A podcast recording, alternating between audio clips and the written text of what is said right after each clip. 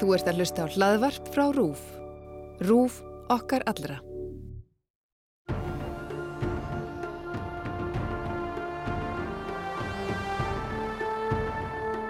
Verið velkomin í með söngakeppnina heilanum. Ég heiti Júlia Margret og er Eurovision nörd og hér ætla ég næstu vikur að spá í söngakeppninni, fara yfir laugin með áleitskjöfum þáttarins, já með öðrum og jáfnvel meiri nördum en mér. En mér langar líka að rifja upp eftirminnileg atvik sem tengjast keppninni og tala við fagfólk á þessu sviði. Fyrsta undankeppnin fer auðvitað fram næstkomandi laugadag og undirbúningurinn er komin á fullt skrið. Keppendur er að leggja loka hönda á vonandi dansbórin, búningana, landsmenn byrjar að huga á snakk og ídjöinkaupum en áður en við hlustum á brot úr lögunum 5 sem keppa á laugadaginn og ræðum við sérfræðingana ætla ég að spjalla við tvo menn sem eru báðir í miklu uppáhaldi á mér. Þetta eru tónlistamenn, feður, þeir eru hafferingar, bræður, fókbóltakempur og hafa báðir reynslu af söngakeppninni. Þeir eru velkomnir Jón og Freyrik Dór Jónssonir. Hvað segir þið gott? Já, Takk fyrir góðan blessaðan og Ég segi gott og ég heiti Friðrik. ég heiti Jón og segi líka gott og er þakkláttur fyrir að vera hér og, takk fyrir þessa skemmtilegu kynningu hér Ég á- þakkláttur fyrir að fá að falla með Jóni í fótboltakempu. Já, Já. veistu það, ég ætla að segja eins og er, sko núna nefnilega hef ég verið á vellinu minnsinni þegar að hérna Jón var að spila. Ég nefnilega er frammari. Já, og það var reynda svolítið erfið leikur, ég ætla ekki að fara í sögum. var þetta þegar Lennon fótbolnaði? Ah, Já, En svo fannst fyrirgeðu það, það var óvart Já, það var svolítið leiðilegt, en hérna, Mhm. svo var svo ofsalega fallegt, en svo svona horfði ég nokkur sinnum á myndband af þér þar sem þú komst honum á óvart á spítalarnum, Já. komst honum DFD-myndir, þetta er það Já. langt síðan. Í alvöru Og geisladisk Já, Já. já, og hérna akkurat hérna, tölvuleiki og eitthvað mm. En já, en ég spurði nefnilega hérna hann Allafannar félagamenn sem situr við hliðina á mér, ég spurði hann, þú veist, er Frikki jafn mikið sem fótbolta legend? Og hann bara allan daginn. mm Mhm. Þannig að, veist, Alveg, algjörlega sko. Já, já, já, já. Líka, Svo góður hann í þriðja flokk líka, ég ætla að segja það þetta þarf ekki endilega að vera mistarflokku skilur Nei, Strikki, Nei, hann hefur skorað á 40 metrum skilur Ég hef ekki skorað á 40 metra færi sko nei, nei, nei. Nei, Hann gerði það Já, hann Það gerði gerði það, ég. já. Móti fylki var það Móti ekki fylki Þetta er til, þetta er allt til. Minkaði munin í 5-1 Vá, ég get ímynda verið að það verið eftirmæli stuð. En í svona ykkar uppvexti, fyrst við erum að tala svona um Eurovision og söngkeppnin og svona, var, var mikið hort svona á, á ykkar heimilin og náttúrulega eru þið, uh, já, ég meina þið, þegar þið eru ungir þá er, er við Íslandingar byrjað að taka þátt. Mhm. Mhm. Var þetta mikil aðtöfnu ykkur eða? Sko ég á enga minningu eins og séum eitthvað öll þarna og það búið að vera að kynna í þessu eitthvað lengi sko. Nei. En bara ef maður svona fer yfir lögin í huganum að þá, þú veist, þekkti maður alveg lögin og vissi hvað var að gerast bara sem einhver krakki sko. Já, já. Og hérna, þú veist, En Það var nú bara, maður bara settist og horfði á bara lokakefni í Eurovision. Mhm. já.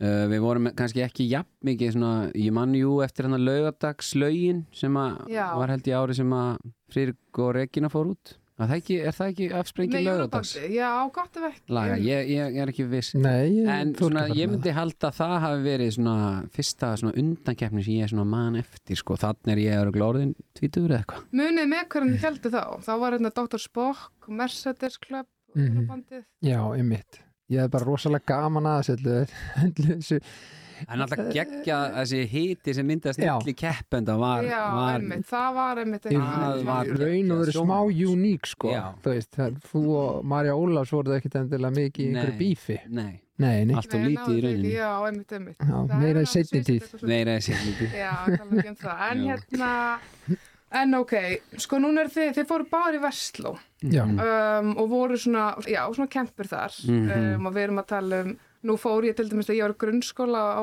Made in USA, sko. Vá. Ég mér varst að gegja Mhm. mjög eftirminnilegt vá og hérna, en þú ert sko einar yngri en ég, þannig að þú veist, Já, já, það er já. svona, já, þú veist, maður fylgdist ekki eins með þeir sem eru yngri, en, en ég veit allan, þið voru mikið í félagslífinu og svona, Mhm. sko núna hefur Eurovision gegnum tíðina haft á sig svolítið svona, veist, þetta er svona hallari stimpil sem manni finnst kannski vera einhvern veginn að rúnast, þú veist, var það eitthvað þegar þið eru til dæmis í Vestló, þú veist, við að fylgjast með Eurovision eða var það eitthvað svona, eitthvað svona tabú?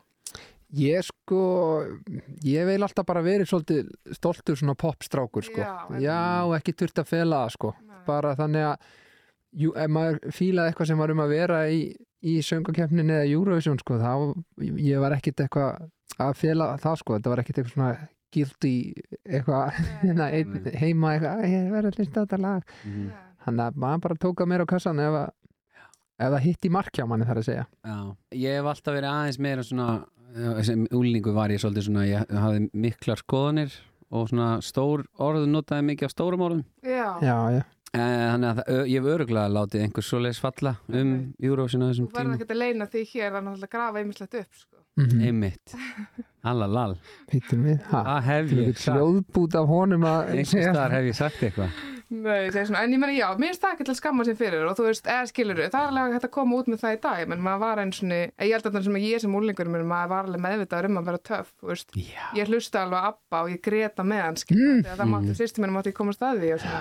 Einmitt. um, en, en mann finnst eitthvað þegar svona í kannski svo síðustu ár og til dæmis eins og þú veist þegar hattar er að fara út og náttúrulega daði og, og náttúrulega líka þú veist þetta er bara eitthvað sem er búið að vera að breytast. Það er það sem er líka fjölbreytnin en orðin meiri já, þá einhvern veginn passa fleiri svona inn í þetta án þess að þurfa eitthvað svona að, að, þú veist, að, að þetta Ég- er ekki bara eitthvað svona glískjant, svona glimmer Europop sem er, ég er mikill aðdándi sko. Mhm. algjörlega, alveg í sammála því. Hérna, hvað heitir hann? Salvador Sobral, Sobral, þú já, veist, eitthvað einmitt, svona og Mm. þetta er líka gaman sko að eins og Daði ég man þegar hann kom, var ekki fyrst 2017 eða eitthvað? Þú veist, mér fannst það svo sterk innkoma og þú veist þannig að píanói kemur úr loftinu eitthvað og bara hvaða meistar er þetta skilur Mhm. og hatari kemur síðan með eitthvað allt annað sko. Þetta er svolítið fallegt uh, hvernig við erum að þó að báðir, bæði þessi dæmi þar er, er mikil reynsla á baki áður en þau koma sko inn í Eurovision. En þú veist þetta var svo mikið, allavega tímabili var þetta bara, sendum hérna Jónsa út og Birgit er að fara út og þú veist, einhverju sem voru búin að vera bara eiga svið hérna heima og svo heyrðu þau, þau bara kláraði pakkan og fara út líka. Þú veist, þannig að þetta er svona eins og þú segir, þetta er orðið aðeins fjölbreyttara og þú veist, þetta er kannski aðeins meira ódreiknarlegt, ég veit það ekki. Mhm, Algjörlega, sammála Já. Ertu ekki sammála brósa eða er ég, er ég Nei. að fara með En mér fleip? finnst þú vera alveg komin, nei, djók, nei, Já, já, þetta er, ég er alveg sammála, sko, en til dæmis þegar þú myndist á Salvador Sobral, já, það, hann var enda líka gaggrindi fyrir það, sko, hann var alveg svona, kom alveg út með það, hún finnist svona, sí- svo tónlið sem hann var að gera, vera svolítið hafinn yfir keppnina, sko. já, Honum fannst þetta allt svona smá glata eitthvað. Já, einmitt, einmitt, sem að þú veist, þú hitta ekkert eitthvað beint í hjartastað, svona, nei, En hann hafi vitað því að byrja ekki að tala þannig fyrir en eftir hann var Nei, búinn að vinna sko. Já, það var alveg já, einmitt, já, annars hefði hann náttúrulega ekki unnið. Nei, væntanlega Ef ekki. ég- Þetta er algjör skýta keppni en það sem ég er í. Já, ég þarf að senda að spila þetta lag. Úff, já, já. Já, einmitt, já, það er ekki góð típa að taka heldur, sko. Það er, Nei. maður á aldrei að setja sig á háan hest, sko. Nei. Einmitt. En þið hafið nálgast þessa keppni svolítið svona álíkan átt. Þú náttúrulega varst kynir fyrst 2018 eða ekki? Mhm. Jú. Emmi. Jú, En Frikki, þú náttúrulega tókst eftirminnilega þátt árið 2015 með hérna lag sem að ég ætla fullir að sé svona eitt af þeim sem er svona að lifa mest með þjóðinni bara eftir að eftir að keppni líkur og þú veist, þú komst eins og bara hérna hingað þar sem ég er að starfa bara á svona starfsmannaskemmtun og það var bara, þú veist, það var hádegi en það öskur sungu allir með það kunna allir textan og svona. Mhm. Í síðasta skipti haltu í höndina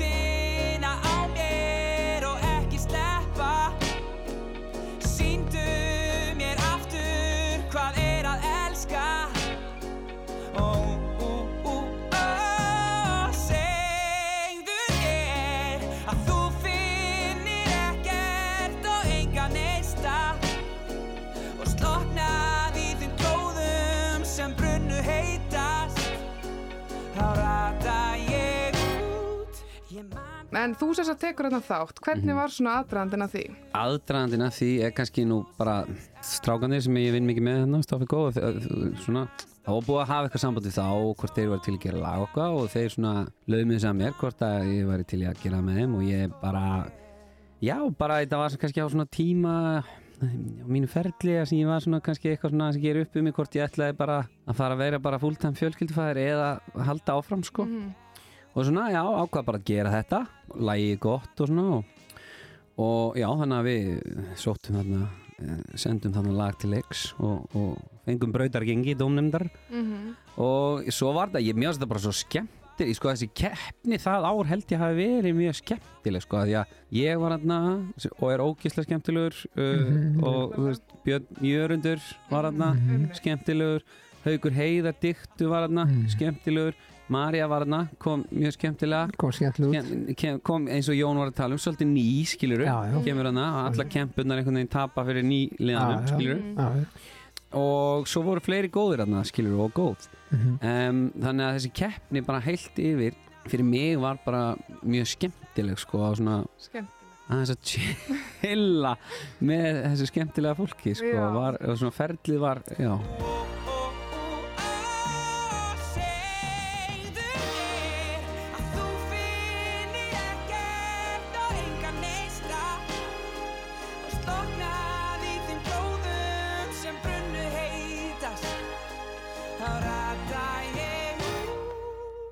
Ég hafði sjálfur gaman að því að vera baku tjöldin eh, með frikka sko, ég man bara einhvern veginn sogaðist inn í að verða bara eiginlega einhver kostningastjóri sko. Já. og bara ég gat ekki hamið mig í því bara að reyna að láta alla vita að þeir ætti að kjósa þig. Já, og í úrstutakeppninni sjálfri þá er ég mættur sko, ég var búin að fá leifi að vera inn á skrifstofu í háskóla bíó sko, því að þá var ég með einhverja tölvu opna og var í símanum og eitthvað og var samt að horfa á einhvern skjá á útsendinguna sko.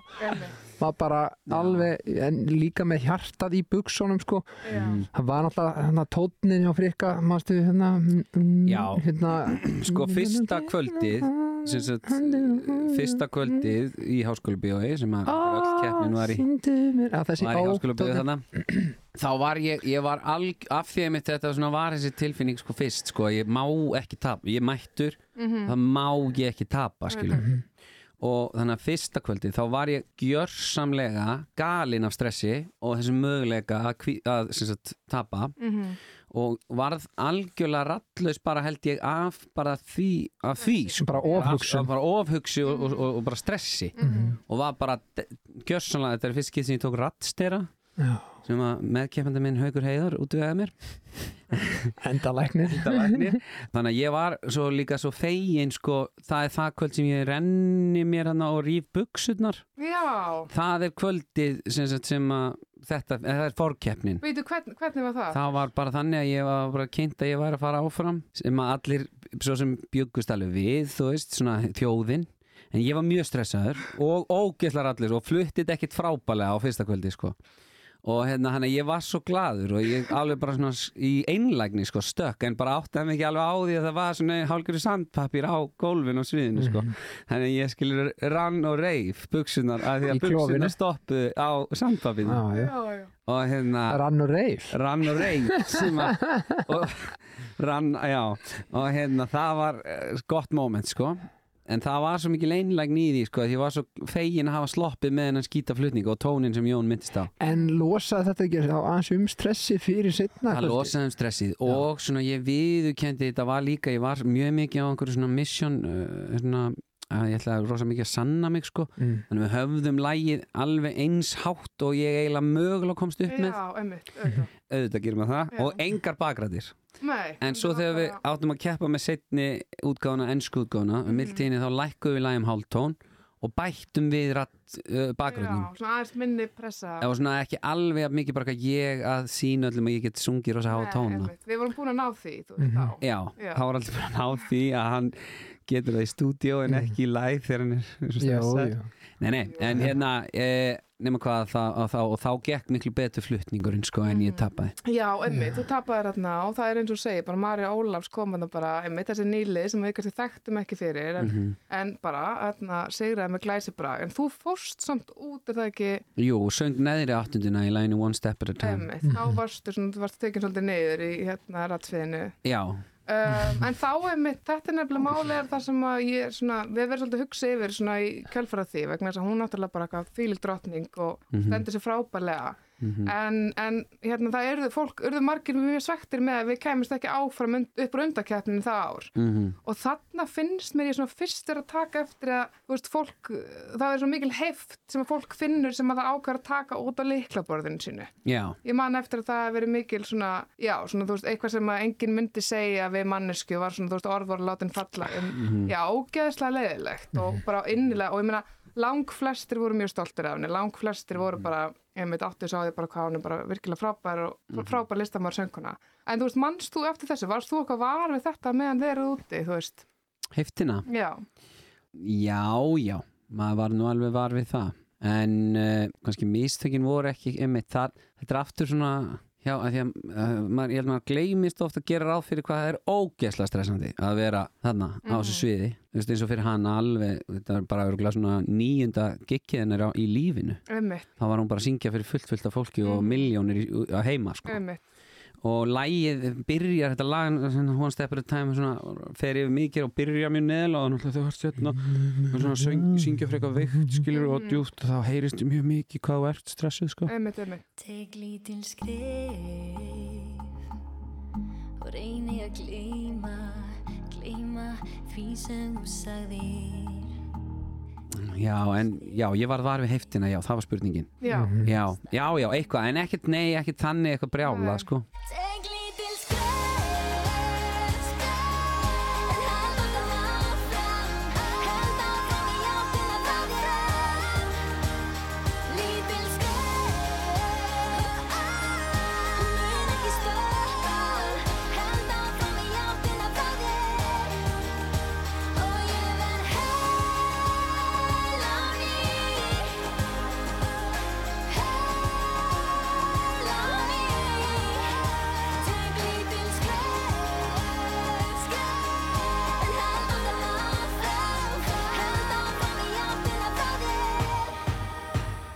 en þetta er akkur það sem ég er búin að hugsa núna þegar núna til dæmis, við erum náttúrulega með loksis með söngakeppnina aftur, hún var ekki fyrra á því að eðlilega, sendum við bara daða en þetta er alltaf, fyrir mér er þetta mjög stór hluti af þessari upplifun og núna maður byrjar að fagna bara, það er mars og bara út uh, til svona miðsmæ en núna til dæmis, já, fyrir tveimur vikum það vil og það fengu að vita hvaða, hverja hvaða keppindur verða með okkur í ár og þarna akkur þess við tölum um eru bæði þessi reyndu en svo líka algjörlega ný nöfn. Þú veist, hvernig er hægt bara upp á til dæmis komandakerfinu og okkur svona og þú veist, ekki bara þú veist, neikvæða aðtekli heldur líka hvað verður svona ofsafengin jákvæða aðtekli, hvernig býr maður sig undir það, þú veist verandi óþektur, þið kannski munir kannski ekkert mikið eftir því Nei, ég held að sé mjög herfitt að búa sig undir það sko, en Já. þetta myndi örgulega snúast um það að, að reyna frá upp að vera í sínu flæði og gera þetta svolítið á sínum fórsetum sko, að þú sért ekki að að bara fatta miðurlega, ég er bara búin að vera að bulla hérna einhvern karakter skilur ég að þú veist, að þú sért bara einlagur frá byrjun. Já. Og þess, það er nú líka svolítið skemmtilegt við þetta ferli allt saman að það er einhver, einhverjir hérna, líka einhverjir spjallþættir og svo viðtölinni beinu útsendingunni og allt þetta og ég manna líka bara þú veist, þegar ég var að kynna 2018 Ari Ólars fór að gráta eitthvað svona, veist, hann var bara svo þakkláttur sko, innlegur og þá bara bara, hann vann þá sko. það bara símakostningi bara, bara. Máli er nefnilega að þetta vinst sko, ef við erum að tala um hvað er vinst þetta já, þá vinst þetta þarna sko. Þú veist, þú ert kannski með í einhver 2-3 lög sem er svona líklaust en þar innbyrðist ræðst þetta á því hver stendur best akkurat, offstage, myndi ég segja. Já, ég held að hafi rosalega mikið að að segja því gefnu að við komum til flytja í lægið sæmilega. Mm já, akkurat. Þetta, er einmitt, þetta snýst nefnilega ekki bara um einmitt, þú veist, hver negli falsettuna og hver rýfur og rýfur ekki buksunar mm heldur bara einmitt svona hvaða karakter þú er, erst og það er það sem við viljum sjá sko. Og líka bara, þú veist að það er búið að marg reyna það að senda einhvern sem er orðin frægur fyrir. Já, en það verðist bara skila það eitt og sér verðist ekki skila neinu. Nei, já, sem er alveg merkilegt, þú veist það er verið að varna að gera tilhörn með Blue sem var nú kannski svolítið svona, myndi einhver segja tíu árum með seint, þú veist, Bonnie Tyler. Mhm. en eins og í fyrra, þú veist, þá kemur bara Flow Ræta er og þú veist, það bara dugar ekkert til sko. nei, það akkurat. þarf einhvern veginn að vera eitthvað svona heldapakki Já, það virðist vera. Ég, þú hefur nú verið hérna í Júralandi, ég veit ekki hvernig þetta er, en þetta er náttúrulega bara einhver viðtölu og sýning daginn út og daginn inn og já, fólk að reyna einhvern veginn að ná að vera já, einhvern, sko, en það sko til að ná sem að því að sko Júróland held ég að sé svona rosalega lítið sko, það er fullt fullt af viðtölum og brjála að gera hjá Marju manni að fara einhver viðtöl. Mm. svo svona kíkti maður á kannski hverjir voru að taka þessu viðtöl og þá kannski svona síður sem eru kannski eiginlega engungu að þjóna þessum tíu þúsund sem bara lifa fyrir Já, já, já, já. en síðan, sko, einmitt, síðan ég, ég get því mér ekki svara hvernig maður nær svona Evrópu aðtikli nei, nei, Nei. ég held að það sé formúla sem enginn er alveg búin að átta sig á en það er einmitt, það er bara margt hefur verið reynd en einhvern veginn, það er, það er alltaf erfitt að spá fyrir um, þú veist, hver er að fara að koma nagla Af- ár. Algjörlega, þú veist, það getur munað bara einhverjum mánuði bara einhverjum tíðaranda sem er í gangi, þú veist, Einmitt, bara einmitt. Eins og í öllu þessu veirudóti eða eitthvað, þú veist, bara nei, ekki, ef þú hefur gefið þetta lag út hérna þegar bara ákkurat var lokun og rauð viðvörun, þú veist, bara þá neða, hefði ekki hitt sko en mögulega. Þannig að ég, þetta er svona þetta er auðvitað líka bara hefni en klassíska, Já, þú veist you create your own luck eða Mhm. hver er sinna gefið smiður vá. þú veist, þannig að þú veist, það er kannski partur af þessari Helg- líka ljó Já, Eh, Einmitt. skandinaskan mhm. en hérna eitt sem að sko núna þú, Jón, þú ert hérna í Mhm. kynna hlutverkin áttur Já. það er öðruvísi pressa sem því fylgir Já, og maður hefur alveg tekið eftir ég meina, þú veist, það getur allt gerst í beinni útsendingu svo við veitum jú, jú um, þú veist, uh, ef að til dæmis það allt inn bara eitthvað vantar hljóð og eitthvað atrið eða eitthvað svona fer einhvern veginn sem átti ekki alveg að fara Mhm. þá er bara myndar löðbeint að þig. Já, já, og þá þarf maður að vera bara léttur. Já, um, Lentu þú ekki í einhver svolega síðast? eða? eða það, það getur verið. Nei, það voru Ben og Fanna, sorry. Já, þeir Já, lendi það er og hund- með Já, hundinn og allt já, sko Já. Nei, ég, ég lendi blessunlega bara í því á hérna generalpröfunni 2018 sko, þú veist, þá er náttúrulega fullur salur af fólki en við erum ekki beinu útsendingu. Þá var eitthvað þá hefum við pantað eitthvað rámt konfetti og það festist við allt við vorum svo lengi að ná því af sko, það var bara þetta plokka hvert einasta konfetti þannig að þá þurfti maður að vera svolítið hress yfir salin Býtu ég skilgi, þannig að það kom sprakk eitthvað konfetti. Já, þú veist, þá er eitthvað atrið þú, la, þú veist, og pff, atriðið búið og svo átti þetta bara pff, sópa og græja næsta og bara kynna það inn, sko. Mm. það var eitthvað, kom ég eira eitthvað rámt konfetti? Það er að gera eitthvað. Um, þannig að, jú, það er það getur auðvitað allt gæst, sko. En, Það var bara, eh, Jón, þú ert aftur í kameru, þú ert aftur í kameru. Já, einmitt. Ég, eins og ég segi, ég held að sé ekki þetta undirbúa sig fyrir það sko og auðvitað vonandi flesti sem hafa skilninga á þegar eitthvað svona gerist um, þá kemur sér nú líka alveg vel að hafa verið út um kvipin og kvapin með þennan blessaði gítar sinna að standa fyrir fram á fólk.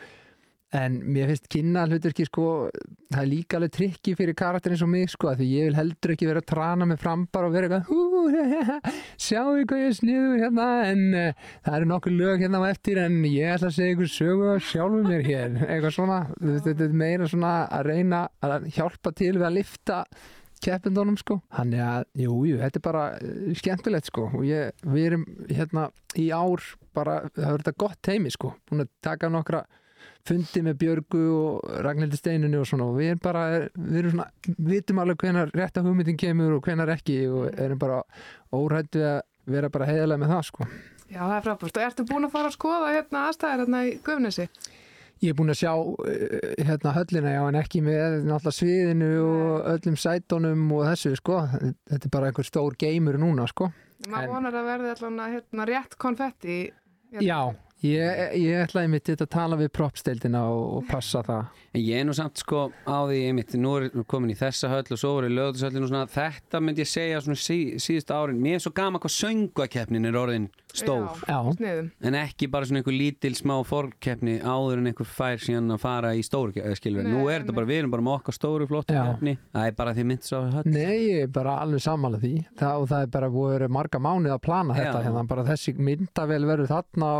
bara getum við gert þetta? Já, en þá þurfum við að taka hérna þessa myndavel þangað og Já. mikrofónin hérna og tengja þetta þannig inn og þetta er bara eitthvað svona, Ég menn Alls það er konar. öllu tjálta til. Það er bara já og auðvitað rósa alla sem að koma að þessu en ímdaði líka bara keppendunar sko, þú veist, þetta er ekki bara að koma og syngja sko, þetta eru einhver Nei, fullt af einhverjum vindarþáttum og vera til í eitthvað Mm. sprell og glen, þú veist, glens og þú veist, hérna, stundum að vera einhverjum aðstæðum sem eru bara eitthvað, hvað er ég að gera hérna, ég ætlaði bara að syngja eitthvað lag sko, en það er bara að taka þetta á kassan og gera það vel sko.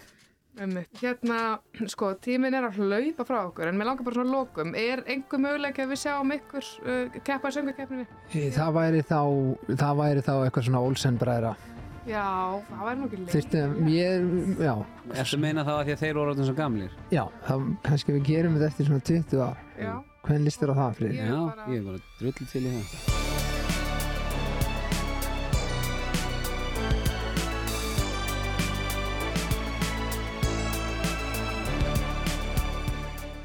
Keppnin í ár fer fram í kvikmyndaverinu Guðunissi og það eru fimm lög sem keppa hvort undankvöld og tvö komast áfram í senn. Úrslitin sjálf fara svo fram laugadaginn 12. mars og þá fáum við loksins að komast að því hvað verður framlega Íslands í Eurovision í ár. En það eru komna rúmar tvær vikur sem það var tilkynnt hvað tíu lög keppast um það í ár og landsmenn fengu nú, já, kærkomi tækifæri til að hlýða á lögin, bæði íslensku útgáfin og ennsku þegar við á. Og það vita allir sem hafa hort á Eurovision held ég að það er ekki nóg að vera með gott lag, það þarf allt að koma saman. Sviðsframkoman, flutningurinn, búningarnir, já, kannski konfetti, vélinn og keppnin ég verð að segja, mér finnst hún mjög sterk í ár og það eru allir flytjendur glæsilegir og myndi verða landi og þjóð til sóma. En til gamans þá rætti ég við tvær konur sem eru báðir miklir júruðsnaðdæfundur eins og ég og það er hlustuðu á lögin 5 sem keppa nú á næsta lögadag og sögðu sína skoðun. Ég heiti Eva Rúsa og ég er blómakona, fjölmjölakona og bara, ég er multitaskar. Ég heiti Inga Strömland, uh, ég er humanískur aðdafnastjóri, káspílot, kattareigandi og Eurovision elskandi. Já, verið þið bara hjartanlega velkomna stelpur, ef ekki bara leifa má og ísolt að hefja upp bröstina og byrja fyrsta lægið sem við ætlum að fara yfir. Í hvert sinn er sólinn rís Í austri eftir dimma nætur Hugsa ég fyrst um þig Og brosið bjarta sem þú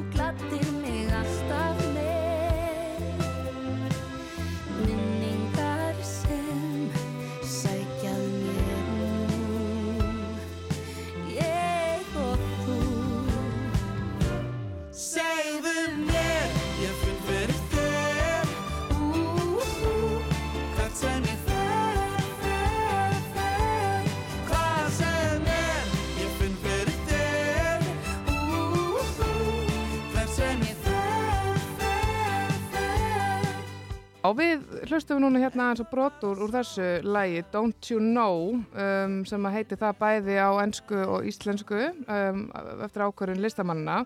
Við þekkjum Ísoldi náttúrulega, hún tók einna þátt uh, með, í dúotinum Ísold og Helga með lagi klukkan Tifar sem komst einmitt í úrslitin um, og þau sískinin, þau sigruðu jólalega keppnir ásar 2 ára 2019 með laginu Jóla Ósk og við þekkjum náttúrulega Má, hann er hérna frábær sundkappi og hann segir einmitt frá því sjálfur í hérna þættinum, kynningaþættinum fyrir keppnina að svona sundið hefur verið svolítið dominerandi í hans lífi. En hann er aðeins núna að reyna að færa sig inn, tón, inn í meira inn í tónlistar, tónlistar veg um, og hann sagði mig frá því líka í bara ágúst í viðtali hérna á Rúf að hann ætla að taka þátt í ár og er einmitt að fara að gera það núna með þessum smell sem að þau semja saman sískinin Eva, hvernig líst þér svona á, á þetta? Sko, við fyrstu lustunum þá næri þetta mér alveg. Veist, þetta er svona, þetta voru svona soft, þetta er svona mjúkt og, og nó- þetta er svona notalegt lag til að svona pop, poplag myndi ég setja, ég myndi setja þetta í pop, poplagið. Um, það er sko eina sem ég er að spá í er að ég veit ekki hvort þetta er endilega nógu stert fyrir stóra sviðið. Fattuðið mig? Þú veist, ef við hugsaum um stóru myndina, að þessi komið á þetta risastóra svið, hvað ætlum við að gera við allt sviðið? Svona við fyrstu lustun, þá finnst mér þetta samt alveg svona sk- skemmtilegt sko, þegar lagi byrjaði, þá átti ég ekki vona á að það færi þessa átt. Fattuðið, svona þegar að introið byrjar inn í lagið og svo kemur, kemur þetta, en finnst, mér finnst samt sko, ég hef, ég hef alveg svona gaman að þessu lagi og ég held að þetta gæti alveg, þetta gæti alveg orðið svona smá heilalím hjá manni. Já, emmi, þetta er allan að, er svona, þú hefur allan að dilla þér alveg. Já, já. Akkurat, en Inga, hvernig, hvað segir þú? Já, þetta er náttúrulega bara svona sigursætt mm Mhm. -hmm. sískina popp eitthvað um, sem að, já, ég tengi alveg við að, að þetta sé heilalím. Uh, þetta er það. Þessi eh, laglína og, og, og, og með þess að textin, enski textin uh, í viðlæginu kom til hans á sundbrautinni. Já, Mm En mér finnst einmitt það bara svolítið vera málið. Mér finnst það bara vera eins og hann sé að synda 2000 metrana að syngja þessa helvítislínu aftur og aftur og aftur og aftur sem er tilfættið af því að það er hérna uh, tvö vers, uh, bara fín vers og svo er hálft lagið komið og svo gerist ekkert annað heldur en bara viðlagið aftur og aftur og aftur. Um, mér áfæðan að leiðast á fyrstu hlustun það þýðir ekki að þetta sé ekki bara rífast í heilanum á mér, ég er alltaf Mhm. að syngja þetta en, en sem borgar sér náttúrulega alveg í svona keppni. Þetta, þetta er svona eftirminnilegt. Mm. Já, algjörlega þegar að það eru tíu sekundar brotin í upprifuninni uh, þá er þetta lag sem að fólk mun einhvern veginn muna laglínun úr. Það er ekki rosalega mörg lög sem þau kannski muna laglínun úr og þetta verður klárlega eitt þeirra. Það finnst mér eitt og sér ekki nóg veist, það er eitthvað svona gamaldags uh, Eurovision einmitt, formúlupæling sem að ég held að sé bara á útleið Mhm. þannig séð þau sem karakterar ég meina hafa fullt af ykkur um svona X-faktorum Mhm. hann er Algjörlega blindur, sundmaður, keppir á olimpíuleikum fatlara uh, þú veist, þetta er saga þú veist, þau eru sískinni, þetta er alveg ríkala grútlegt Mhm. Já, ágætis lag, um, heila lím, sjarmerandi sískinni. Við sjáum hvernig þessi reyðir af á lögadaginn en við ætlum að vinda okkur í næsta lag, eh, Ljósið eða All I Know. Skríti hvernig allt nú er. Ég skoða enn og aftur myndirnar af þér. Í skotum hugans búa minningar um allt Þar sem ljúft var. Um bjart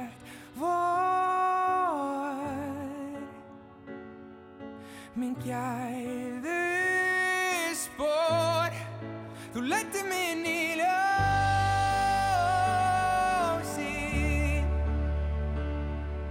Hvað lífið dafnar alltaf best. Þú þráir alla til ljósi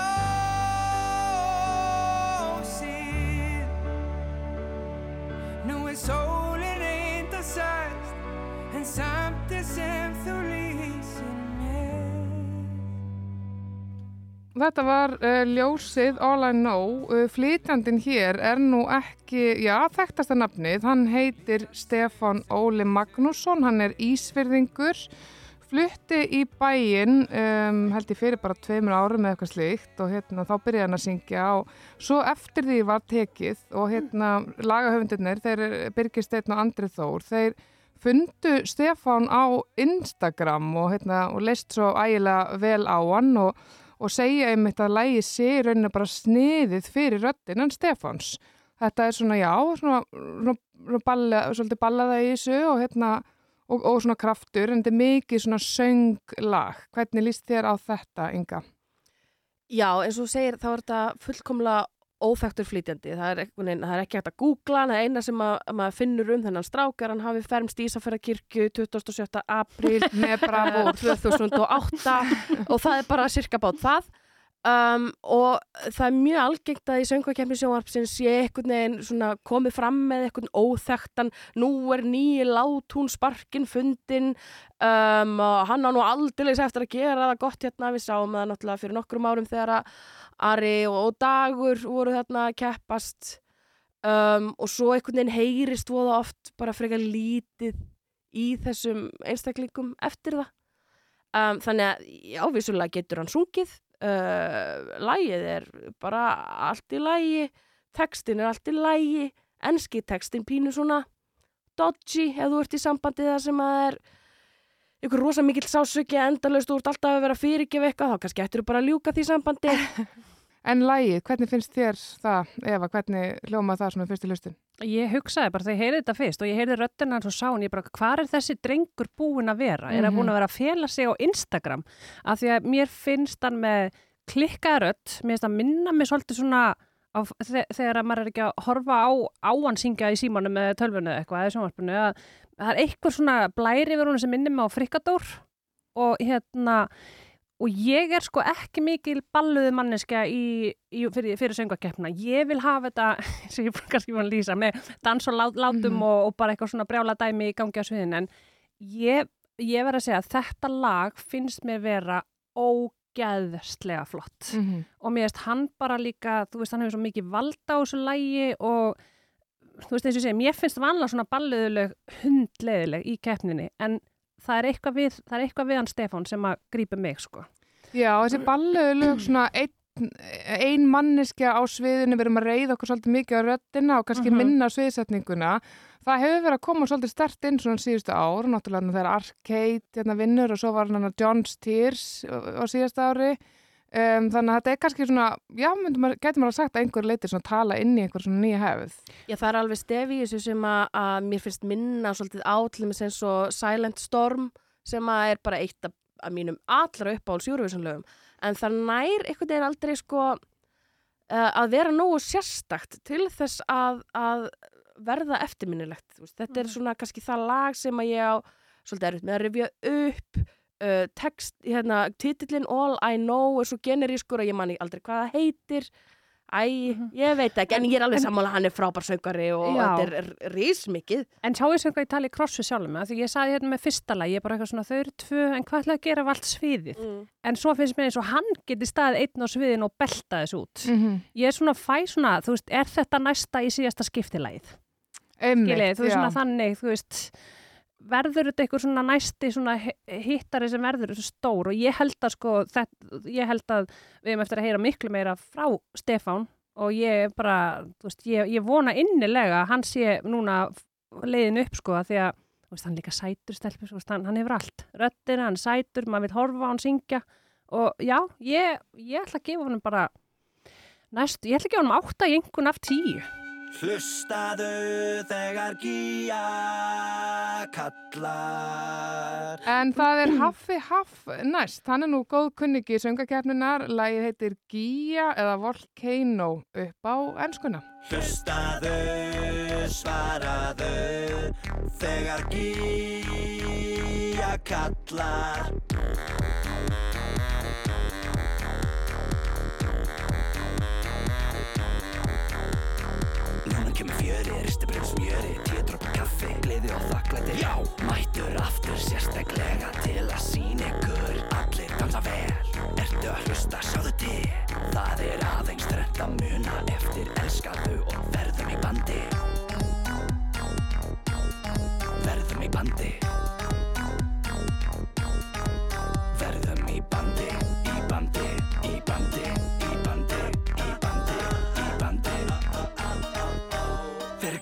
sætur, fyrir vegan Hummus og kía, og kía, og kía Fyrir þau sem geta kjöp, mér er alveg sama Hummus og kía, og kía, og kía Svo verðum í bandi Já, þetta var auðvitað Haffi Haff. Við munum eftir hérna The Wiggle Wiggle Song sem hann tók hérna áður í söngakefninni, þetta var árið 2008 ef ég mann rétt. Og, Einmitt og hérna, já og það er nú kannski svona lag sem hefur náttúrulega lifa allan á einhverjum dansgólfum alveg nokkur ár eftir það. Um, og það er margt áhugavert hérna, hérna er hann til dæmis með hérna lagahöfundin, hann hérna Stefán Ásgeir Átnason sem að ég allan að mín kynnslóð þekkir úr ultra mega teknobandinu Stefán sem að var mjög stórt á sínum tíma, var þetta mjög áhugavert comeback hérna fyrir nokkrum árum. Um, sem er tókuð inn að tónleika við mikinn fögnuð uh, hérna er já, svona tveir já, reynsli menn á þessu sviði koma hérna saman og það er margt svona margt merkilegt í þessu lægi og meðal annars að ef að mjög vel hlusta tekstinni lesina þá kemur þetta fram hummus uppskrift þannig að það er að nota þetta bæða, það hægt að dansa og svo er þetta að fara eftir uppskriftinni og sem til dæmis getur verið tilvali bara fyrir söngakeppnis kvöldið Inga, hérna, þú varst eitthvað farin að, farin að dilla hérna aðeins. Hvernig, er, hvernig líst þér að hafa í ár? Mér finnst bara óbúslega hressilegt að, að taka einmitt íslenskan fimmundarsöng og, og eh, eldfjöll og hummusuppskrift og eitthvað svona miðausturlenska tóna og setja það saman í einn mjög skrítin samsteiping sem ég hlakka alveg gríðarlega til að sjá á sviði. Já, Mér finnst einhvern veginn uh, rosalega gaman að, Haffi Haff sé uh, hafi, hann var svona svolítið kannski nýr á sjónasviðinu hann á 2008 þegar hann, hann var með Vigul Vigulsson og nú er hann einhvern veginn bara búin að þroskast í eh, einhvern svona skemmtilegan karakter sem hefur húmor fyrir sjálfur sér og, og er skýtsama þó að það sé, þú veist, vittlusar íslensku beigingar og eitthvað í textanum og, og bara keirir á eitthvað ógisla fyndistuð sem að er bara, gæti sóma sér á, á sko Race sviðinu. Já, og það er mikið sjálfströst einmitt, finnum maður í þessu lægi, það er ekkert verið að hika neitt. Hérna, fyrsta hlustun, Eva.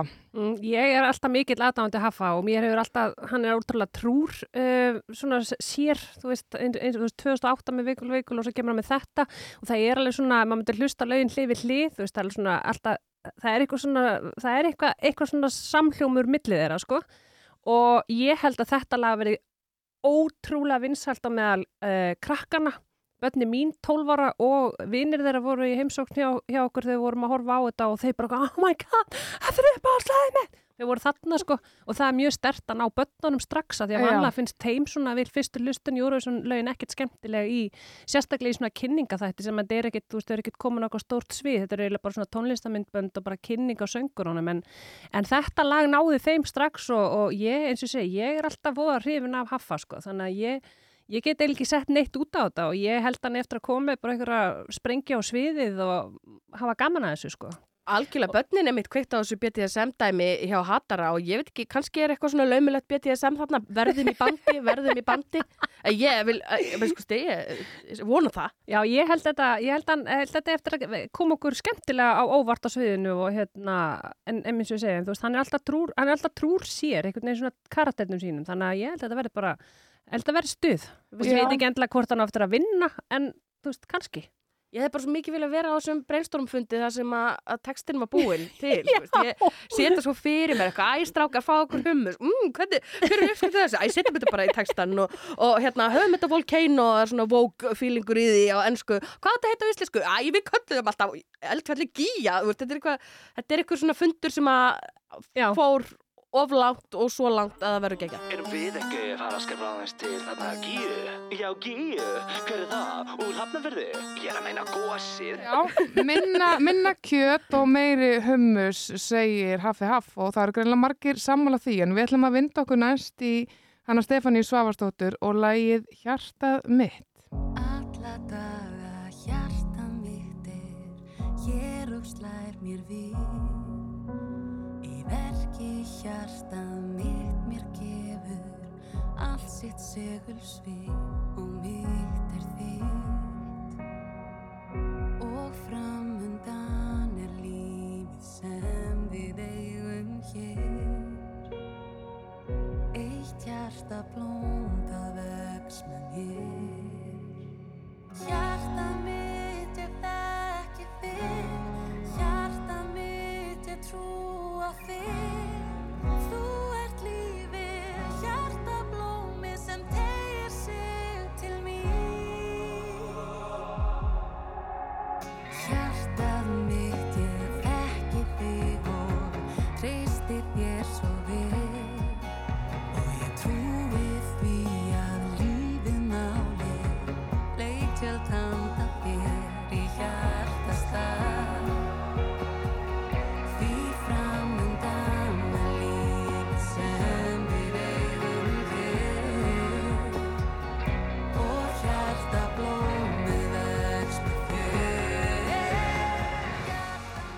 Já, við lustum hérna smá tóndæmi úr læginu Hjarta mitt. Þetta er með uh, mósfellingnum og stórsöngununni Stefáníu Svavarsdóttir en lægið er eftir Halldór Gunnar Pálsson fjallabróður. Hann segir frá því sjálfur að hann hafi samið þetta um dóttur sína og haft svona svolítið Stefáníu í huga. Um, hérna, Inga, hvað hva segir þú um hjarta mitt? Er þetta ná í hjarta þitt? Uh, nei, bara alls ekki. Um, hún segir frá því að hann hafi einhvern veginn ringt í hana og verið með þetta konsept og ég bara spyr mig hvaða konsept að nota hjarta sem myndlíkingu fyrir ástina. Ég meina, hvað er til eldra konsept en það?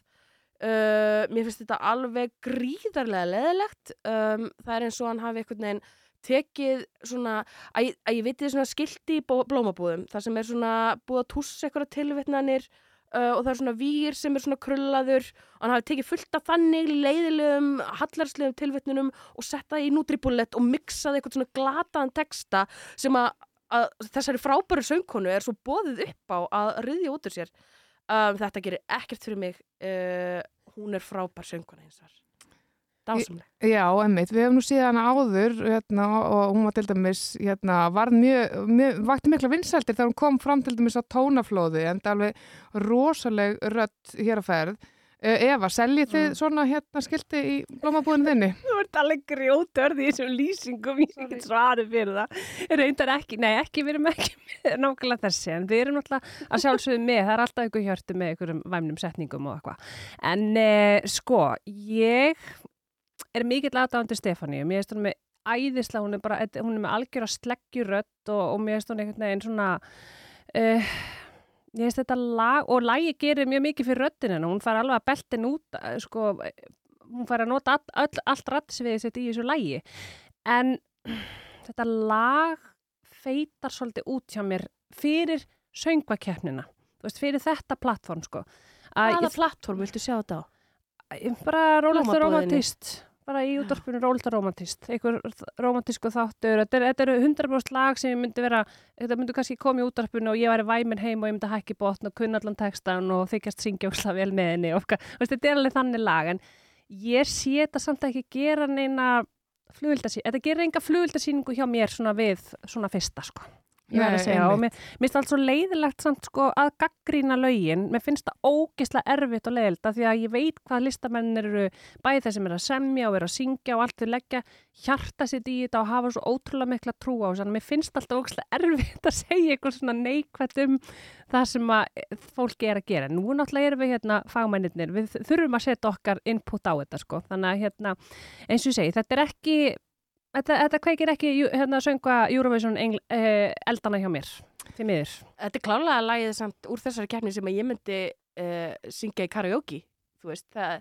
þetta, það, einmitt, það er Já. gaman að heyra hana syngja Mhm. og það er gaman að belta út þetta lag en uh, nei, ég veit ekki svo á ennsku útgáin þá ætlar hún að að syngja sérst eitt viðlag á íslensku það hefur, það getur alveg virkar svo vel. Um, við sáum það kannski síðast í vinningslegi 2016 þar sem að Jamala söng aðeins á, á tattaramáli frá Grímuska ég held að eh, já, uh, blómabúðaskilta sósan sé kannski ekki alveg að standa því jafnfættis Já, blómabúða skilta sósa, segir Inga, en hérna Eva segir nú að þetta sé lag sem hún myndi hækka í ef hún væri, væri eins og romantísk heima hjá sér. Uh, við sjáum til hvernig þetta verður, við erum alls sammála því að, að þið eru sammála því að Stefán sé frábær sönguna og verður gaman að sjá hvað hún gerir við þetta sviðinu. En síðasta lagið er bara í íslenskri útgáfu, það er eftir Leiló, sungið af þreymur systrum sem að þjóðum þekki vel og heitir með hækkandi sól. Öldur óti hljóður sá Þrautin þungum vafinn sorgar sárum Þrá sem laðar, brennur sem bá Liggur í leiði, leiðindar mann Þeir, þeir Ljósar skiptum fær að sjá. Fegurð í frelsir sem þokast nær. Þó nætur hún mig skelli á Og sögð á hugan þjá. Þeir,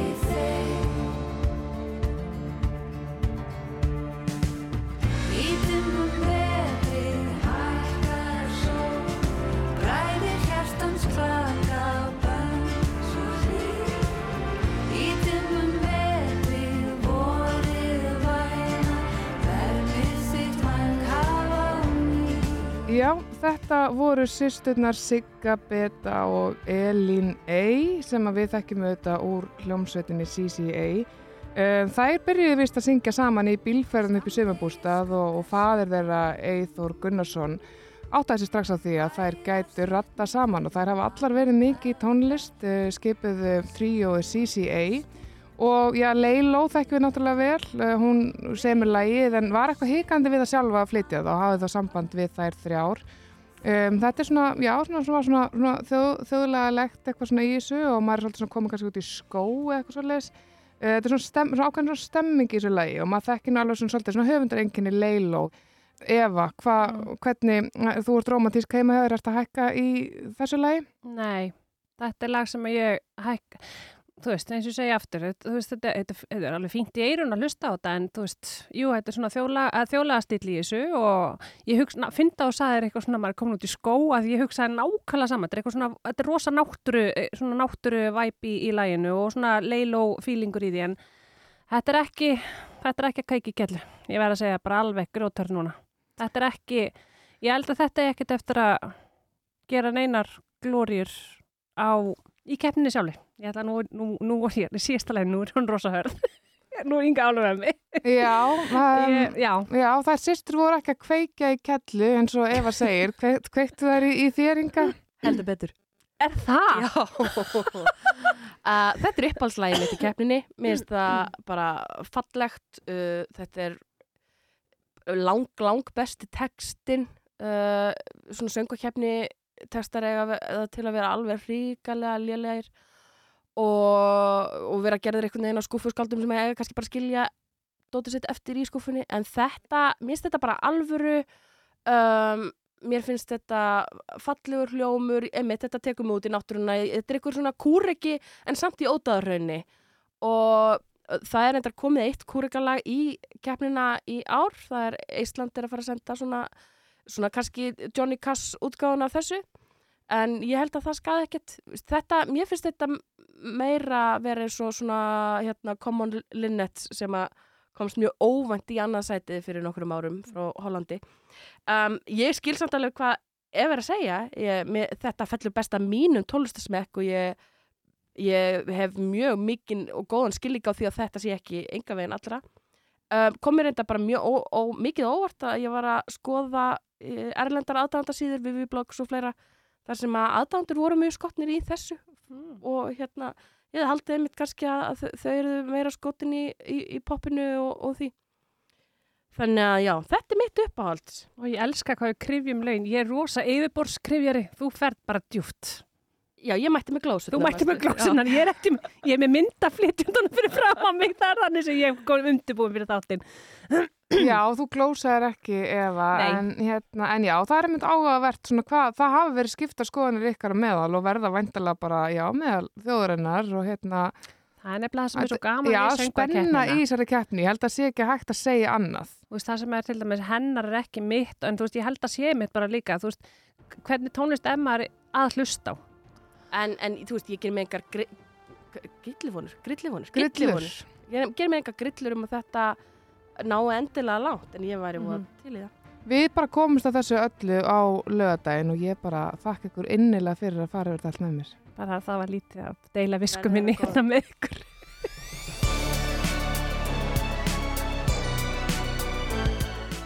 Sitt sýnist auðvitað hverjum og það er alveg ljóst að skoðanir eru mjög skiptar um lögin. En það er sem fyrr segir alveg ómögulegt að spá fyrir um hvernig fer áður en að flutningurinn á lögunum hefur farið fram á sviði. En nú er bara mál að gýra sig upp fyrir lögadaginn, það þarf að kaupa snakkið, skreitingarnar, hóa saman sínu besta fólki til að gera sem mest úr þessari frábæru veislu sem býður okkar. Ég ætla að fá að óska keppendum góðskengis og ykkur góðra skemmtunar og ég bara gleðilega söngakeppnis veistlu árið 2022.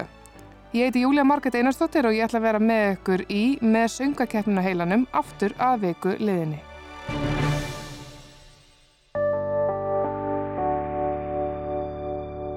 Rúf okkar allra.